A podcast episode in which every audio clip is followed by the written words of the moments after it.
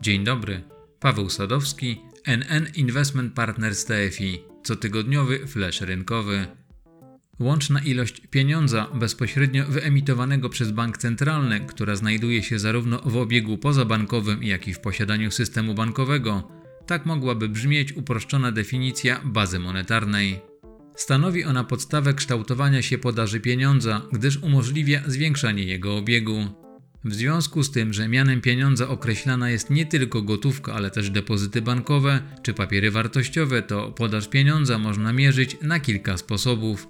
Jej miarą są agregaty pieniężne, które w zależności od tego, czy za pieniądz uznaje się aktywa bardziej płynne czy mniej płynne, to miarę podaży oznacza się innym agregatem od M0 do M3.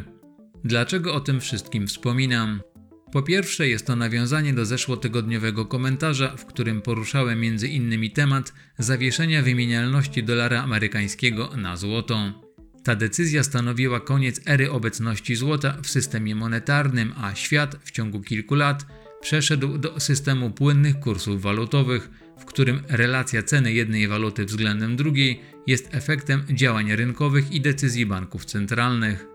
Przy okazji to wspomniane banki zostały pozbawione jakichkolwiek ograniczeń w kreacji pieniądza. Doprowadziło to do tego, że bilans Europejskiego Banku Centralnego wynosi obecnie już blisko 80% PKB strefy euro, natomiast saldo Banku Centralnego Stanów Zjednoczonych stanowi prawie 37% PKB tamtejszej gospodarki. Aby jeszcze bardziej zobrazować dynamikę tego procesu, to należy nadmienić, że przez ostatnie półtora roku to bilanse tych dwóch instytucji niemal podwoiły się. Po drugie, warto mieć świadomość, że istnieje długoterminowy związek pomiędzy poziomem bazy monetarnej w USA a zachowaniem złota. Wraz ze zwiększającą się bazą rośnie również cena tego szlachetnego metalu, która porusza się wokół poziomu agregatu monetarnego M2.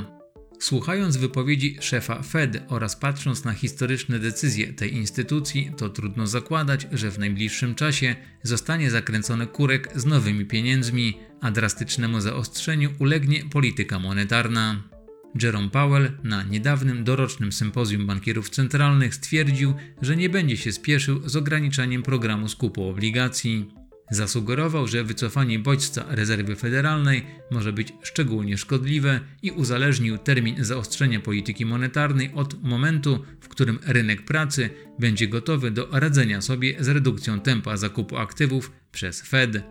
Przy tej okazji warto przypomnieć, że amerykańska rezerwa federalna ostatnimi czasy stara się nie podejmować decyzji, które mogą być odebrane przez rynek negatywnie i jeśli tylko widzi nieprzychylną reakcję inwestorów, to jest gotowa szybko wycofać się ze swoich działań.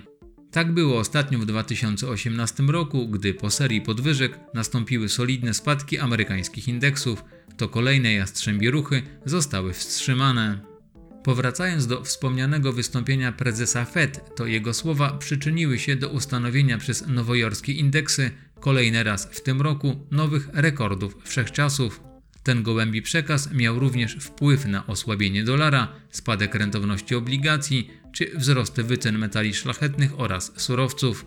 Pozytywny rynkowy sentyment znalazł m.in. odzwierciedlenie w wynikach funduszu NN Index surowców. Celem tego produktu jest zapewnienie efektywnej ekspozycji na zdywersyfikowany portfel 21 towarów, w którym łącznie złoto i srebro ma 19% udział. Warto w tym kontekście wspomnieć o tym, że obserwowanemu na przestrzeni ostatnich 3-4 kwartałów dynamicznemu wzrostowi indeksu surowców towarzyszyły korekty na rynku metali szlachetnych. Doprowadziło to do tego, że wyceny kruszców w relacji do koszyka towarów znalazły się na najniższych poziomach od końca 2008 oraz 2018 roku. W obydwu przypadkach taka relacja cen okazywała się dobrym momentem do akumulacji metali szlachetnych.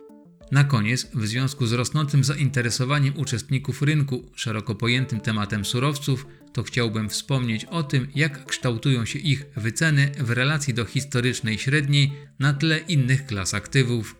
Aktualnie indeks 500 przedsiębiorstw o największej kapitalizacji, które notowane są na nowojorskiej giełdzie oraz wyceny amerykańskich obligacji skarbowych znajdują się już prawie dwa odchylenia standardowe powyżej średniej.